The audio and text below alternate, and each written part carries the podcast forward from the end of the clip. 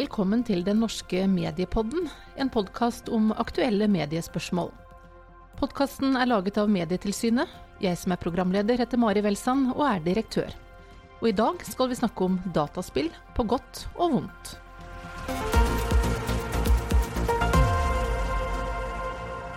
Velkommen til denne utgaven av Mediepodden, og i dag skal det handle om dataspill, på godt og vondt.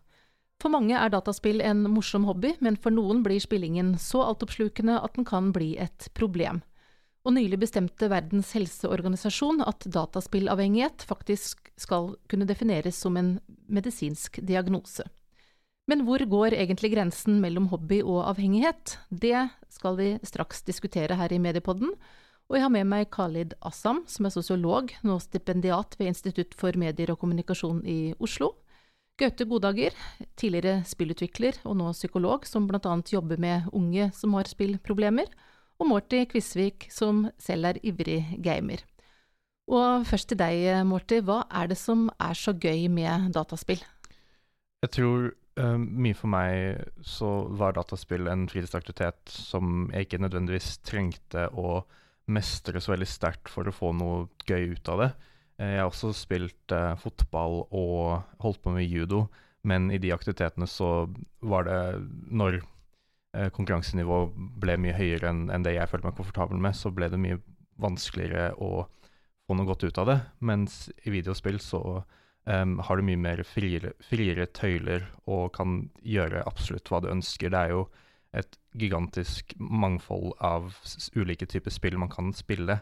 Uh, alt fra sportsspill til strategispill til mer sandbox-spill, uh, hvor det er enda mer friere tøyler.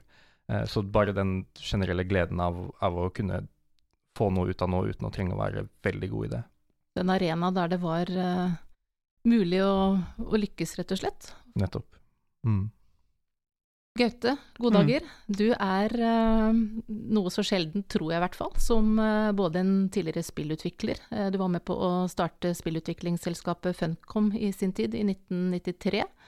Og i dag så er du psykolog og jobber bl.a. med unge som har spillproblemer. Litt av et spenn det, i yrkeslivet?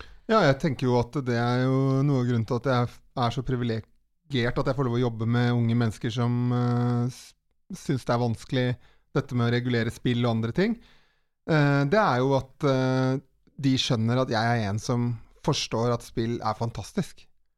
Uh, for det er det jo også. det er jo helt fantastisk å spille spill, og det er jo, som Mort sier, masse, masse mestring uten å gå på skole. Og som appellerer til veldig mange sider av det å være ung i dag. da, Som ikke bare handler om å sitte stille og konsentrere seg. Uh, og det, det, det er litt en kombinasjon, da. At de tenker her er det en som skjønner at det er gøy. En som er gamer sjøl.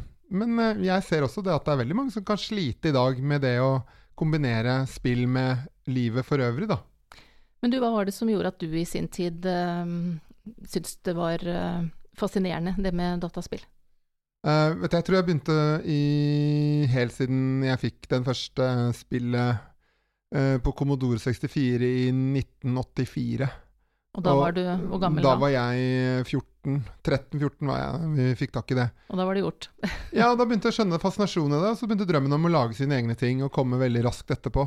Så det er vel sånn gjort nesten like lenge som jeg har spilt, så har jeg forsøkt å lage ting også.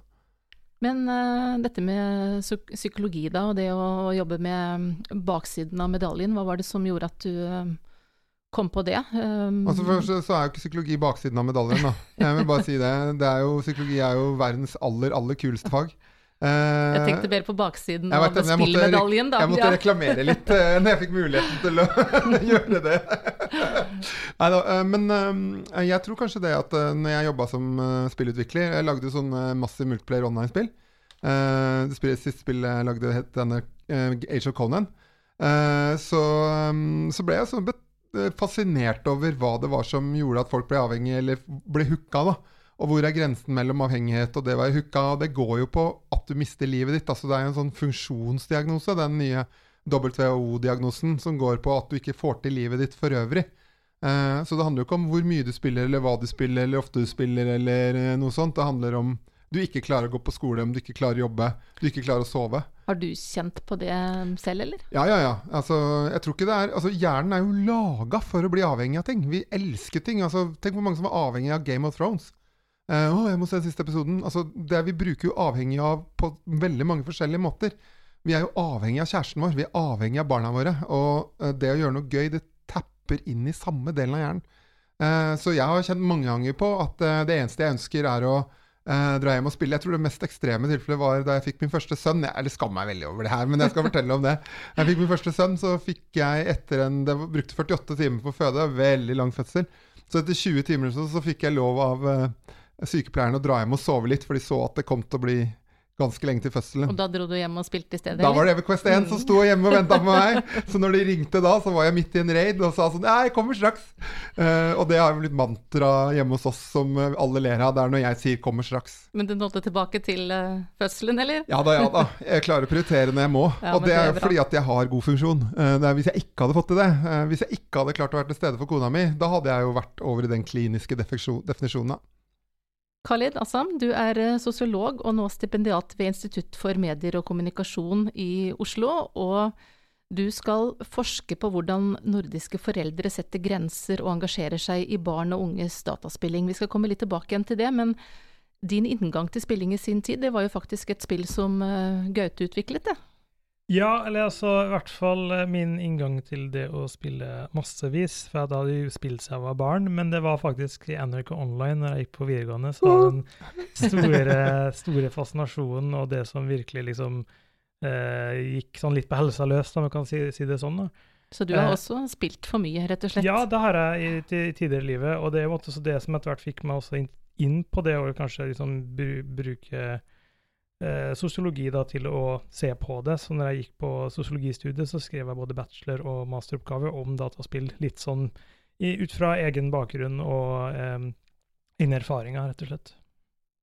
Vi skal komme tilbake igjen til deg og din uh, forskning, men uh, Morty, hvor mye spiller du hver dag?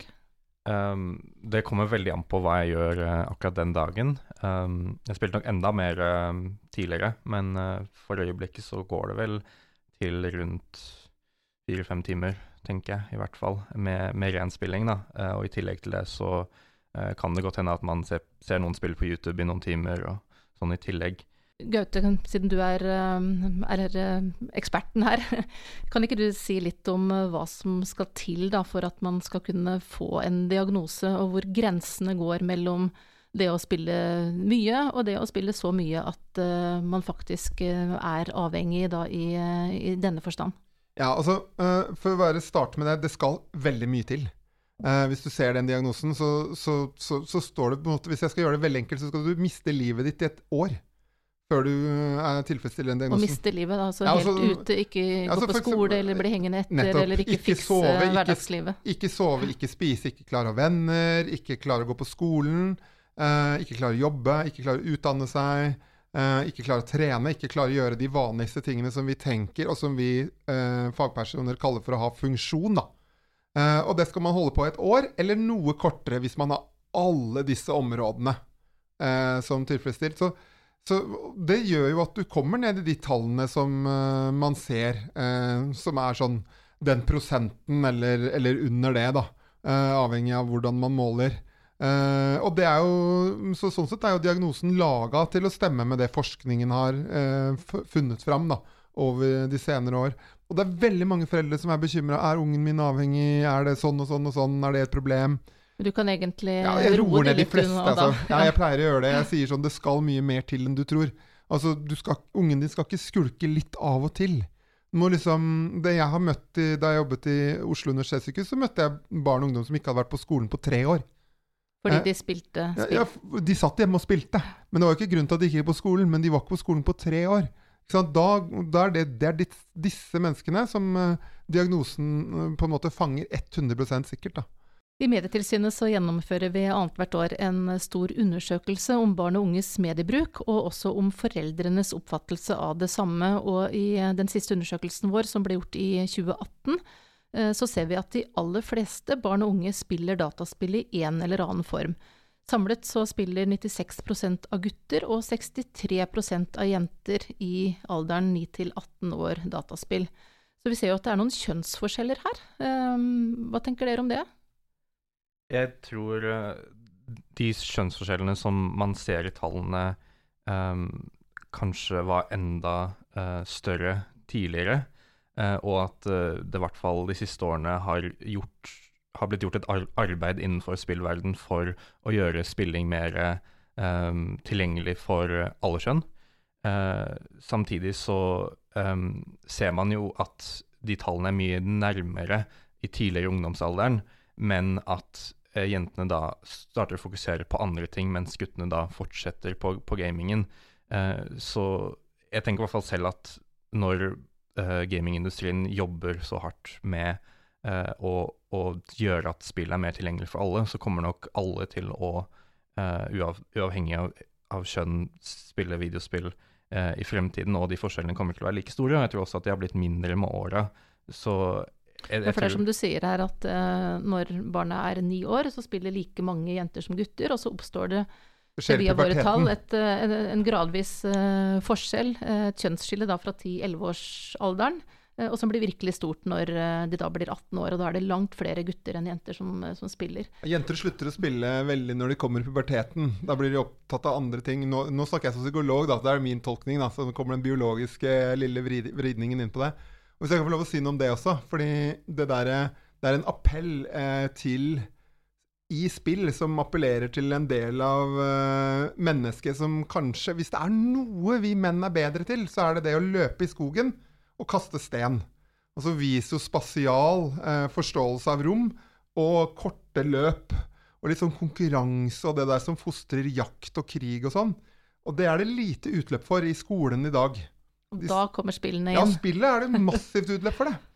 Eh, hvis jeg husker riktig sånn halvveis, så er det hvis man går litt tilbake i tall, da, så ser man at uh, den undersøkelsen som ble gjort før det, i 2016, så var jenteandelen etter puberteten litt høyere. Mm. Og min, sånn, min veldig sånn uoffisielle teori på det, da, det er jo at eh, eh når måtte, smarttelefonene kom, ikke sant, så var disse småspillene eh, som mange jenter i den aldersgruppen spilte, en sånn ting man gjorde for å, liksom, få fem minutter til å forsvinne veldig fort. Uh, men så har det skjedd veldig mye tenker jeg, innenfor sosiale medier og utviklinga der. At de har gått fra veldig sånne kjedelige informasjonsverktøy til å egentlig bli litt sånn spillaktige, og du kan holde på evig, og de stopper aldri opp, osv. Så, videre. mm. så jeg tenker at kanskje det er en, sånn, en, en, ganske stor gruppe som da først gikk over til disse små mobilspillene, som så fant det samme type stimuluset i sosiale medier. Vi skal snakke litt om uh, dette med foreldre uh, og foreldrenes eh, engasjement eller manglende engasjement uh, for dette med dataspill. For der har vi også noen tall fra barne- og medieundersøkelsen til Medietilsynet. Og kun 18 av barn og unge mellom 9 og 18 år sier at de opplever at foreldrene interesserer seg for deres dataspilling. Og da ser vi stor forskjell fra mer tradisjonelle fritidsaktiviteter som eh, fotball og teater og sånne ting, der hele 71% opplever interesse fra foreldrene. Hva tror du, Gaute, er eh, årsaken til det? Ja, det første jeg tror, det ville jeg ville gjerne sett på fraseringen av det spørsmålet. Fordi Hvis du hadde spurt spørsmålet hvor mange av dere opplever at foreldrene eh, er negativt interessert i det du driver med, så tror jeg prosentandelen hadde vært noe høyere. fordi jeg mener at um, veldig mange foreldre som er veldig opptatt av spilling, og at de spiller, og at de skjermer for mye. Ja, for det er nemlig også noe mange sier, at uh, tiden de bruker, ja. det er de mer opptatt av enn f.eks. hva de gjør, eller T innholdet i spillene. Altså, noen er opptatt av verdiene, men ikke så mange. Men, er, men, men allikevel så opplever jeg jo at det allikevel er en positiv utvikling. Jeg har holdt på med å snakke med foreldre og og lærere og mennesker som jobber med psykisk helsevern, og, og um, helsesøstre i, 10-12 år om dette temaet. Og det er mye flere mennesker som er interessert, eh, engasjert og framoverlent på en positiv måte i dag enn det var for um, bare 10-15 år siden. Da. Nå er folk liksom opptatt av det, og det er mange som har spilt mye sjøl. Som er foreldre, og som begynner å bli ungdomsforeldre også. Jeg har jo barn på 16 år. De slipper jo ikke unna min kjærlighet for spill, selv om de sitter og spiller selv. Og jeg tror ikke jeg er så utypisk heller. Men her er det generasjonene ja, ja. og tiden som går, egentlig, som også gjør noe med men, dette. Men ja, men det går fortere enn som så. Jeg tror rett og slett det at uh, når um, det faktum at 80% av verdens befolkning har tilgang til en 3D-enabled device, som det heter på godt norsk, uh, det gjør at folk får eh, uh, eksponert seg for spill og spillifisering. Altså, hvor mange er det som har treningsapp hvor du sier sånn Hei, du vant over gårsdagens løpetur.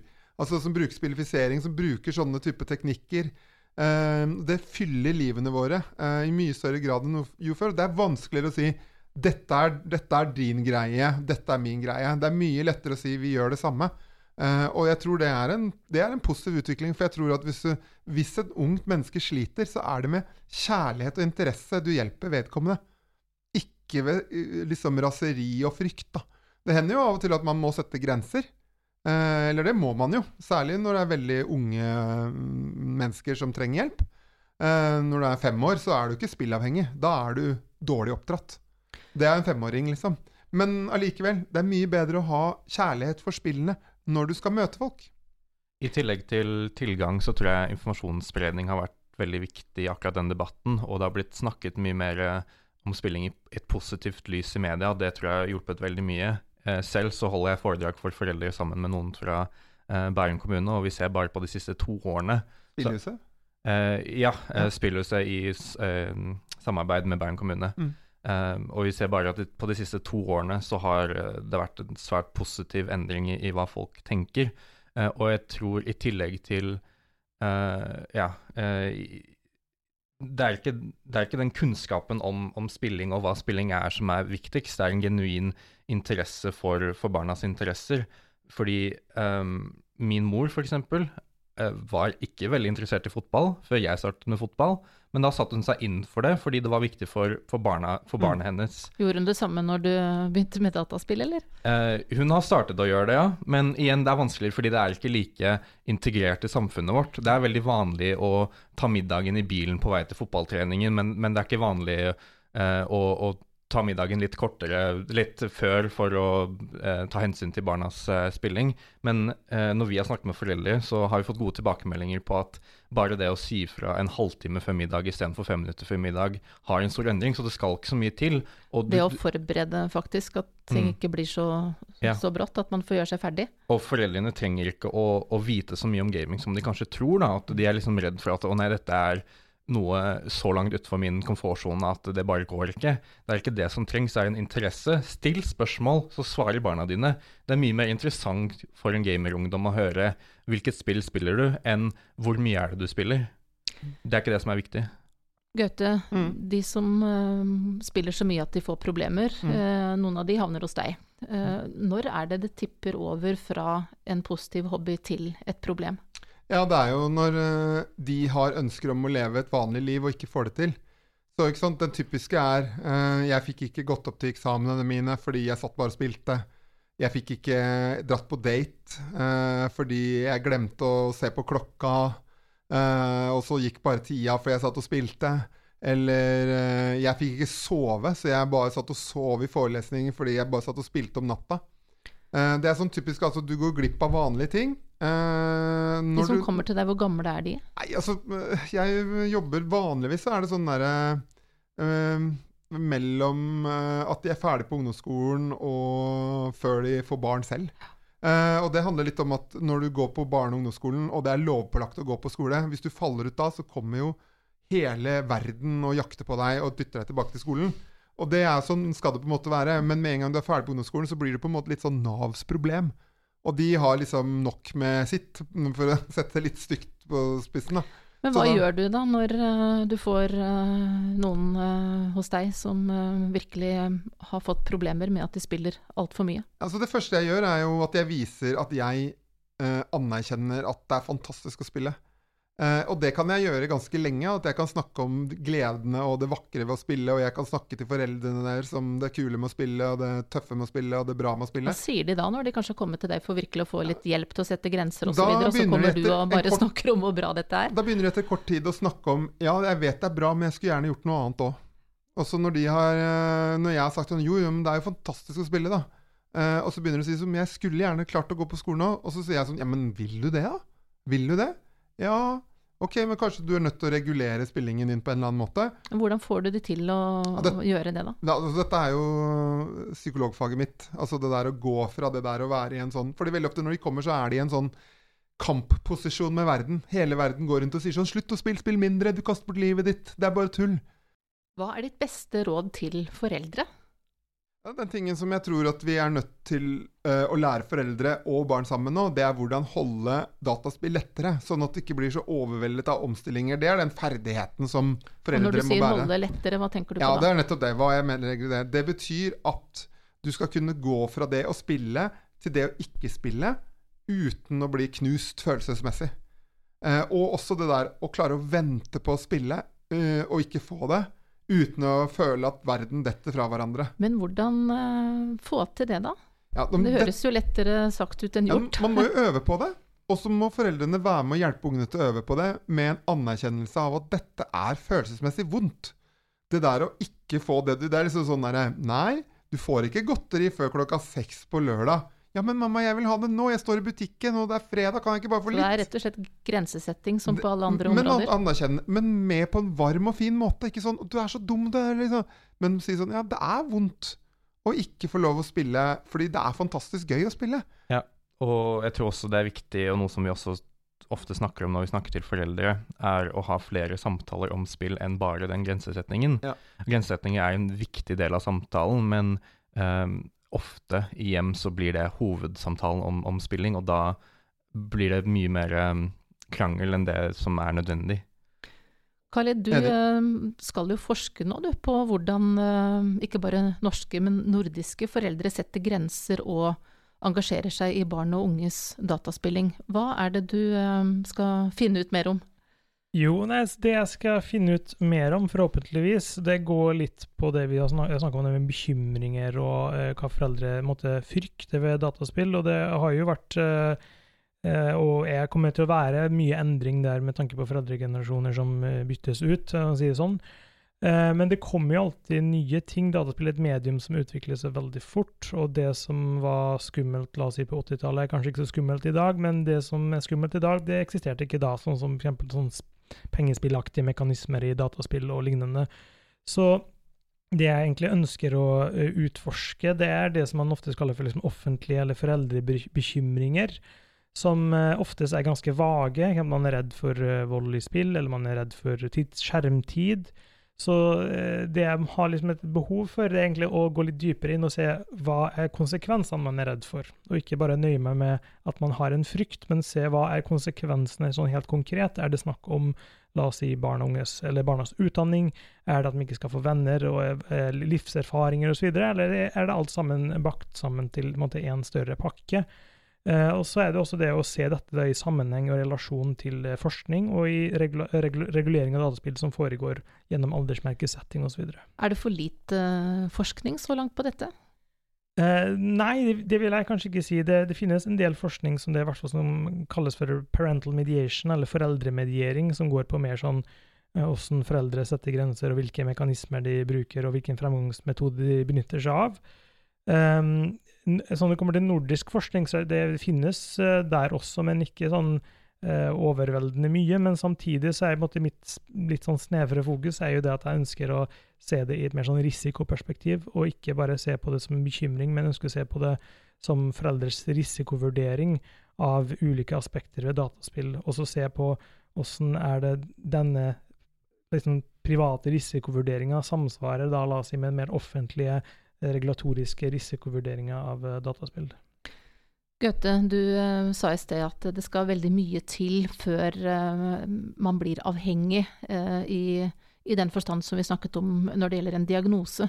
Men likevel så vet vi jo, det har jeg kjent på av egen erfaring med to barn på 12 og 14, eh, at det er mange utfordringer knyttet til det at ungene spiller mye. Og hva er det, tenker du, at foreldre bør være obs på? Hva er de viktigste faresignalene, og hva er det vi bare må, må leve med og kanskje overse? Eh, har du to gutter? Nei, jeg har en gutt på 14 og en jente på 12. Nettopp. Mm. Eh, fordi når jeg snakker med foreldre, så er jo jenteforeldrene like ofte bekymra for bruk av sosiale medier. Så derfor sier jeg ofte sånn at det er jo skjermbruk som er Ja, for det er også litt interessant, Ja. hva som egentlig er eh, Og om det er en forskjell på mm, avhengighet eller utfordringer knytta til spill som sådan, eller om det er skjermen. Ja, altså, hverdagsregulering er skjermbasert. Eh, altså den der, det er sånn som jeg pleier å si, jeg skjønner ikke hva min foreldregenerasjon drev med før eh, ungene fikk skjerm, liksom. De, det, var, det, det er min erfaring fra De måtte ha skjermtid. lite å bekymre seg for. Ja, det, tenkte, det eneste jeg gjør, er å løpe rundt og prøve å stoppe ungene mine fra å skjermvandre fra et sted til et annet, liksom. Det høres merkelig ut, men, men jeg tror det er veldig mange som kjenner seg igjen i det. Men, øh, men det man skal være på utkikk etter når det gjelder liksom dataspilling og, og det å ikke få det til, øhm, det er jo når man på en måte begynner å se at dataspill har en funksjon for å regulere noe annet, da. Eh, sånn at øh, det er liksom øh, Som du var inne på i sted, at ja, man ikke går på skole eller Jeg blir hjemme fra skolen, eller- Mm. og da sitter jeg og spiller dataspill, eller av en eller annen grunn så, sitt, så, så sitter Per alltid oppe og spiller når mor og far krangler nede. Eh, det er sånn derre Han var hjemme fra den dagen det var prøve eller eksamen, og satt og spilte. Og så sier man 'Han er skjermavhengig'. 'Jeg er så skjermavhengig at han bare sitter hjemme og spiller enda det er tentamen'. Ja. Er det så underlig at det var den dagen han var hjemme? Kanskje det er noe med noe som er veldig vanskelig på skolen. Så det er når, du begynner, når det begynner å liksom vokse fram som alternativ til å leve et vanlig liv eh, Da er det på fare på ferde. Også for barn og ungdom så er det skole og skolevegring. Det er det det går i. Men du, um, så er det kanskje, eller sannsynligvis da et fåtall som, som kommer dit. Men Mm. så er det vel mange av oss som har barn i denne alderen, som likevel kjenner på at uh, det er utfordrende Ja. i dagliglivet å, å sette grenser og, å få oppmerksomhet rundt andre ting enn skjerm. Mm. Kan du gi noe råd eh, til uh, oss som er i den situasjonen, som ikke har et problem i avhengighetsforstand, men der det likevel er en utfordring i hverdagen? Det viktigste rådet er å regulere skjerm og dataspill etter hvor sårbar barnet ditt er. Så hvis du har et barn som, som har ADHD, som har dysleksi, eller begge deler, og som har lite venner, eh, så trenger de kanskje tydeligere rammer. Selv om de er ofte de som er mest frista for å spille, så vil, trenger de tydelige rammer. Hvis du har et barn som går på skolen hver dag, gjør leksene med en gang, kommer hjem frivillig etter skolen, går øh, fire eller fem ganger på fritidsaktiviteter, har masse venner, alltid huset fullt, flyr ut og inn, kan de nesten spille så mye de vil. Ikke sant? Fordi det er det det handler om, sårbarhet. At du ser hvor sårbart er barnet ditt. Ikke hvor mye misliker du dataspill, eller hvor mye liker du dataspill. Men hvor sårbart er barna hva slags type støtte og hjelp trenger de? Og så regulere etter det. Det er det som er mitt viktigste råd. Eh, fordi jeg, det er utrolig mange som kommer til meg og sier sånn Du Gaute, jeg har en eh, sønn på åtte år, og han er sånn og sånn. Hvor lenge skal han få spille én eller to timer om dagen? Og så Det er ikke sånn Det handler ikke bare om tid, og det går ikke an å sette noen Nei, for det, eh, det handler om tydelige regler for hvem det, han tenker du? åt- åtteåringen er. Mm. For noen åtteåringen tåler masse spilling, og noen tåler lite spilling. Og det jeg ser etter, det er hvor vondt er det å slutte. Hvis de, hvis de klarer lett å slutte, så er det ikke noe problem. Hvis det å slutte må advares om ti ganger eh, med økende frekvens, og allikevel da så er det eh, stort sett ramponering av gutterommet, da trenger de mindre skjerm, altså. Jeg tror òg at um, den ramponering som skjer når man ber barna sine om å slutte, om å slutte, som jeg også nevnte tidligere, har litt med om at de eneste gangene man snakker med foreldrene sine om den spillinga, er når man skal slutte. Men hvis man har litt mer sunn, sunnere samtaler med foreldrene sine om både spilling, men også skjermtid, om, om hvor lenge man skal være oppe eh, Jeg og min mor, vi eh, satt sammen og bestemte at klokka 11, da skal internettet bli skrudd av, og da skal vi gå og legge oss, både jeg og mamma, fordi hun ser jo også selv at hun bruker eh, mobil og slikt ganske mye. Um, og bare det å ha de naturlige samtalene, så er det mye, da, mye enklere for henne da å si kanskje du ikke skal, skal spille nå, fordi da skjønner jeg at hun respekterer meg og min interesse, på lik linje med, med hvordan foreldre respekterer andre, andre interesser. Så det å snakke om det ikke bare når man er i en konfliktsituasjon, Ja, men det å diskutere det er i fredstid, som ja, du det er det det kalles. Da. Ta, lage regler for dette sammen i fredstid. Det Gode, gamle familierådet fra barnevernet. Liksom, vi setter oss alle sammen rundt og snakker om hva som er bra og hva som er vanskelig. Eh, og sånn som eh, høres som jeg har en utrolig eh, klok mamma som liksom kan være sårbar i det at jeg også sliter med å stoppe meg selv og ligge og titte på mobilen utover natta. Det blir hun glad for at du sier, Gaute. Jo, jo, men det, Det er noe med høres, det hun høres veldig klok gå Å gå foran med et godt eksempel. Jo, men det er å kjenne på det. Jeg har ofte et tiltak som heter Skjermfri dag. Hvor jeg anbefaler hele familien legge alle mobiler og alle nettbrett i, i sånn skjermhotell. Og det er foreldrene. Det er de som sitter og krangler med meg. Etter jeg har prøvd en gang. Ja, det var bra, men jeg må jo være tilgjengelig på jobben. Eller mor sier sånn Jeg tok fram mobilen etter klokka 11 når han hadde sovna. Foreldrene er jo ikke noe mindre avhengig av skjerm, de. De bare bruker helt andre skjermer. Eh, og så allikevel så står dataspillet i en særstilling fordi det er så intenst. Sånn at det å slutte kan være enda mye vondere. Og trenge mer eh, kløkt og erfaring, da. Det er lettere for meg å slutte nå når jeg snart er 50, enn det var når jeg var 15. Vi skal snart eh, gå inn for landing. Nå har vi snakket eh, mye om eh, problemer knyttet til dataspill, men vi må også snakke litt om det positive. Og hvis dere skal si noe om, om det, da. på hvilken måte er det man kan hente ut positive effekter av det å, å spille spill? Khalid? Jo, nei, altså det er jo sånn felt hvor veldig mange måtte, lager sånne lister. Ikke sant? Men det er bra for motorikk og bra for engelsk og bra for ditten og datten. Eh, personlig Er det bare unnskyldninger Nei, jeg, jeg, jeg tenker ikke unnskyldning, men for meg liksom, for har å spille mer? jeg har aldri vært så opptatt av det. For meg har det egentlig vært sånn det, Man liker det, man eh, bruker det for å, å ha et uh, rikt liv, altså sånn kulturelt. Så det for meg er kanskje den beste positive effekten. Men uh, jeg tror Gaute har mer oversikt over de mer sånn der, helsemessige positive årsakene rundt det. Ja, altså øh, Jeg tenker jo at mm, man skal ikke kreve av underholdning at det skal være så veldig nyttig. Det er det ene utgangspunktet. Det er vel litt det Khalid sier også. Men øh, samtidig, når det er sagt, så kan det jo brukes til å bli sosial. Det kan brukes til å lære problemløsningsferdigheter. Eh, du kan bli eh, god på eh, eh, sånn engelsk språk, engelsk tale, skrive fort. Det er jo unge, de, mange unge gutter i dag som er bedre i engelsk enn i norsk, fordi de har spilt utrolig masse. Um, og så kan du si er det fordi de er så dårlige på norsk? Altså Den er jo veldig fristende for veldig mange å si.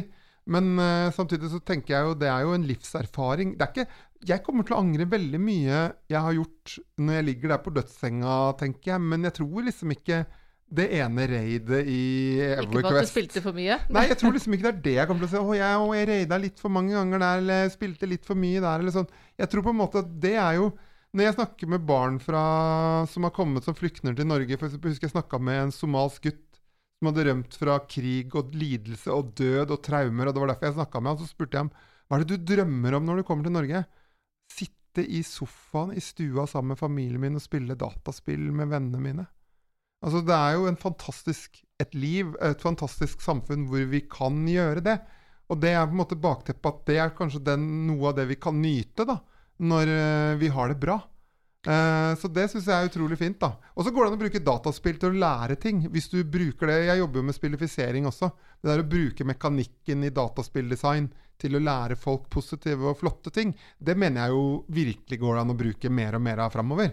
Men det er på en måte ikke spillet, det er mekanikken. Morty, hva er eh, det mest positive for deg ved dataspill? Oh, jeg tenkte å si flere ting, men jeg kan være litt kjapp. Um, jeg tenker at det er en aktivitet som tradisjonelt sett har blitt mest sammenlignet med å lese bøker eller å se på serier, men det er en mye mer aktiv aktivitet enn de, og dermed så mener jeg at det er mye mer eh, Det ligner mye mer på andre aktive aktiviteter hvor du kan eh, endre utfallet. Uh, altså i, i, et spill så, så kan du eksempel ha veldig mange ulike endinger på spillet, eh, i motsetning til en bok hvor uansett mange ganger du leser boka, så ender den på akkurat samme måte. Eh, og jeg tenker det er veldig positivt at Gaute også sier at eh, man kan lære sosiale evner gjennom det. Og jeg må bare selv si at jeg er et ganske sterkt bevis på det. Før jeg startet å spille og spille mye online og møte folk der, så turte jeg ikke å snakke til en strek på skolen. Etter at jeg var mye mer aktiv i online-spill, så har jeg blitt mye mer utadvendt, snakker mye mer med folk, holder foredrag foran mange. Klarer å opptre på en podkast sånn som dette her, når jeg ikke turte å snakke foran klassen på ungdomsskolen. Og det har spill og det å snakke med online-venner lært meg. Og jeg tror nettopp den tilhørigheten du finner på nettet, er så viktig å nevne. Og for mange så er det den eneste sosiale arenaen de føler seg trygg på. Eh, jeg har en brasiliansk venn som en gang ble truet med eh, å kutte av alt internettet og kaste bort PC-en, men da hadde han mistet all den sosiale arenaen han hadde. Ingen var venn med ham på skolen. Det var bare online han hadde venner, og da blir ikke resten av livet bedre. Og som, som, en avslutt på det, jeg, nevner igjen jeg, må nevne, ikke igjen, men jeg må nevne Mats Ibelin.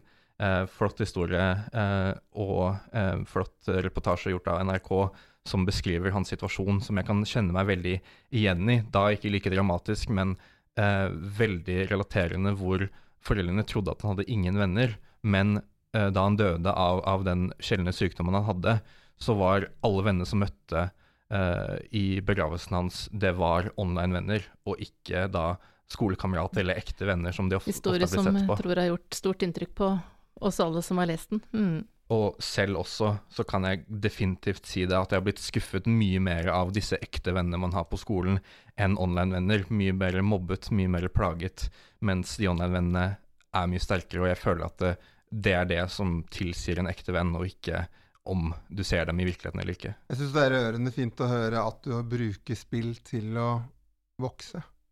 Jeg syns det er fint å høre. og Jeg syns det er forbilde for andre mennesker eh, at du på en måte tar tak i utfordringer du har, og så konkret liksom Hvordan skal jeg løse det med de verktøyene jeg har i livet mitt? Og for deg så var det spill. Og det er utrolig fint å høre. Jeg håper det inspirerer andre også. Ble du klørt nå? Ja. Det tenker jeg må være et uh, veldig fint punktum. Og Tusen takk til dere som har deltatt i denne utgaven av Den norske mediepodden. Khalid Asad, som er stipendiat ved Institutt for medier og kommunikasjon i Oslo. Gaute Godager, psykolog. Og Morty Kisvik, som er gamer. Og takk til dere som hører på Mediepodden. Det er en podkast laget av Medietilsynet. Programleder har vært Mari Welsand. Jeg er direktør i Medietilsynet. Og vi er tilbake igjen neste uke.